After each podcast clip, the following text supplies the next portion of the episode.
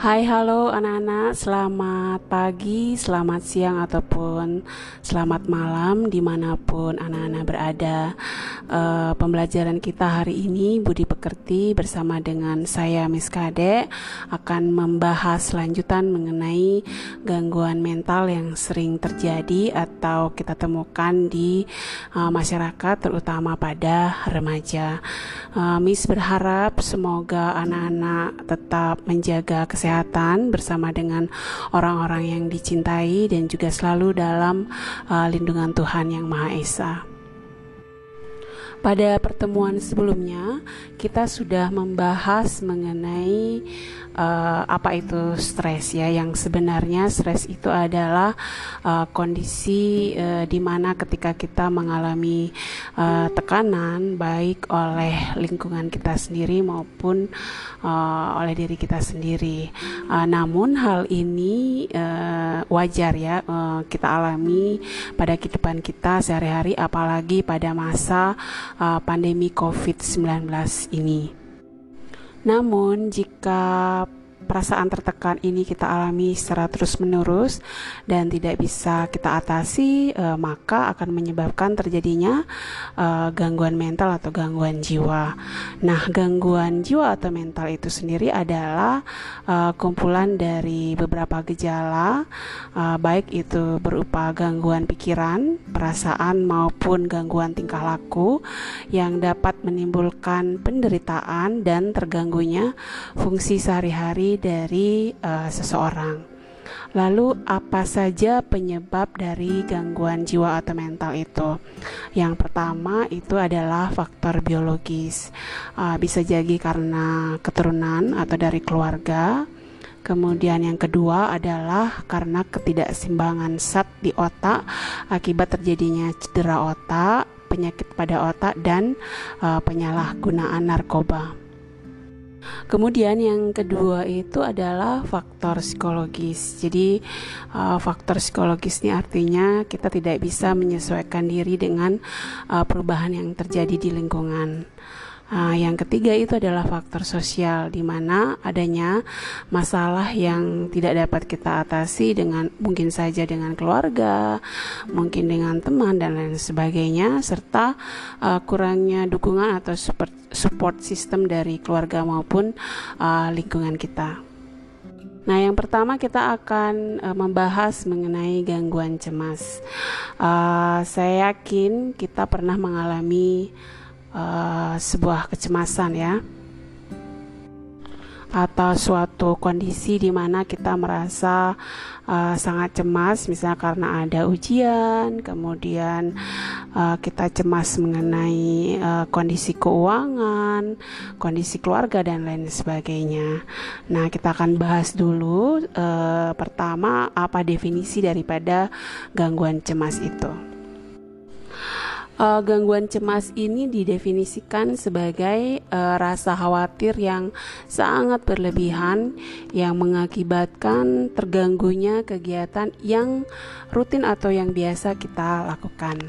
Nah, gejala-gejalanya ini mirip dengan gejala stres, tetapi dengan tingkatan yang lebih sering, sehingga kita benar-benar tidak dapat melakukan uh, kegiatan normal kita.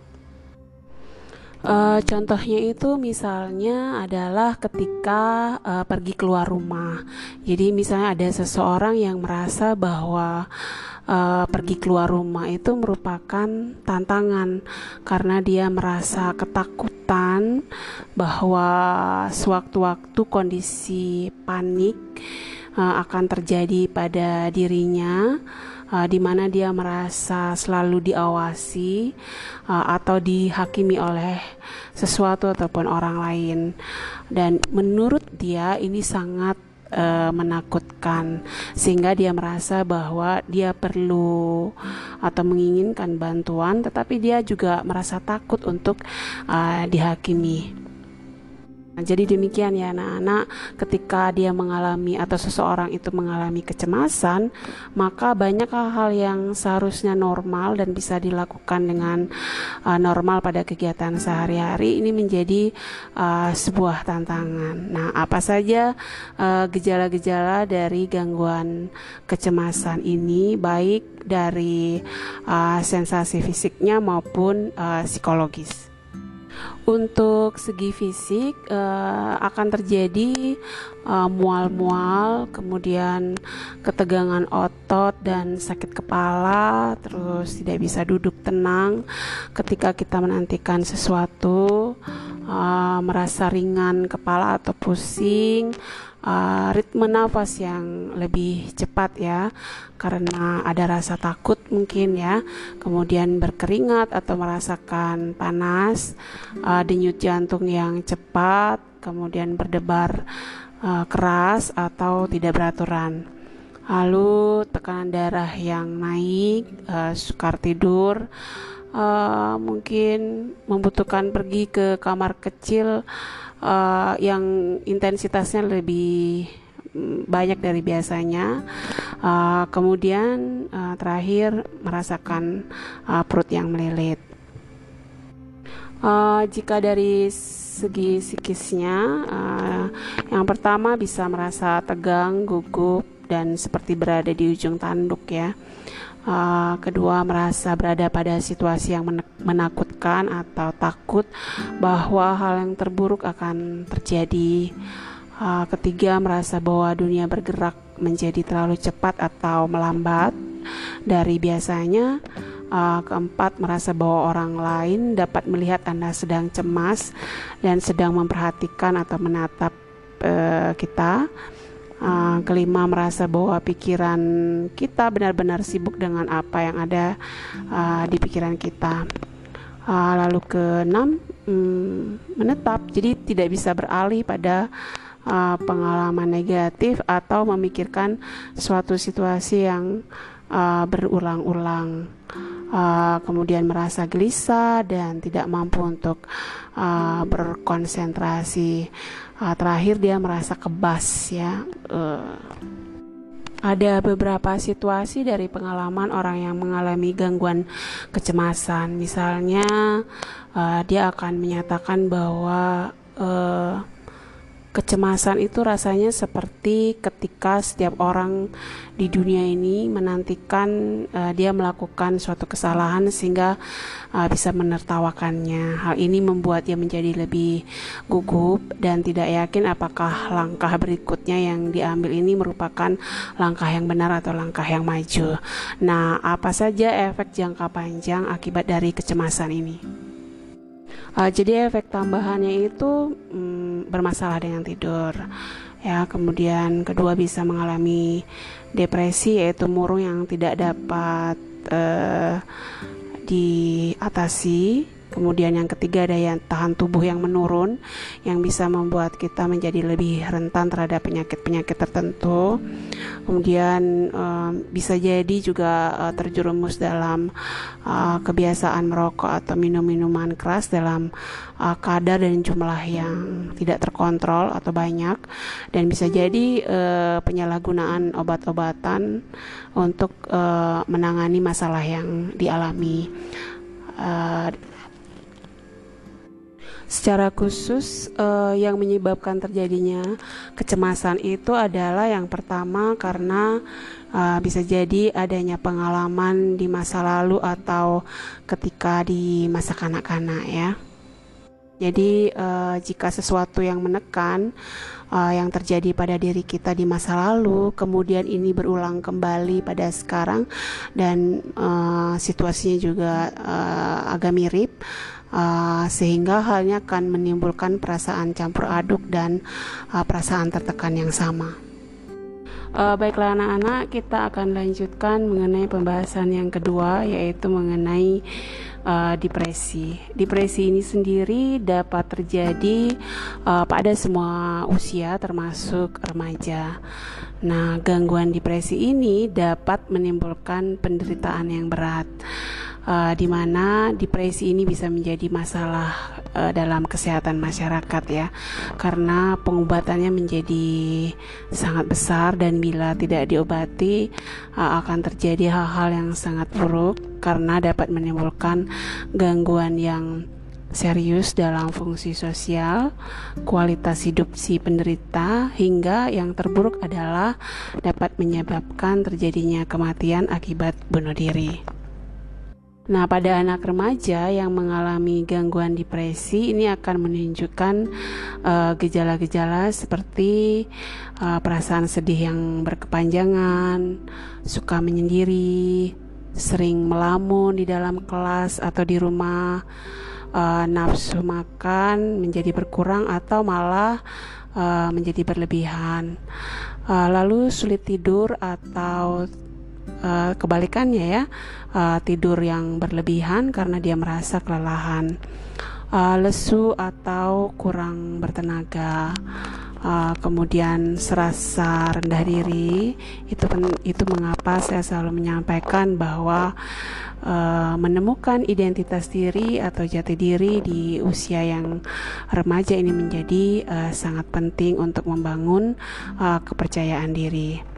Uh, lalu uh, berikutnya adalah gejalanya uh, sulit berkonsentrasi dan sulit sekali mengambil uh, keputusan.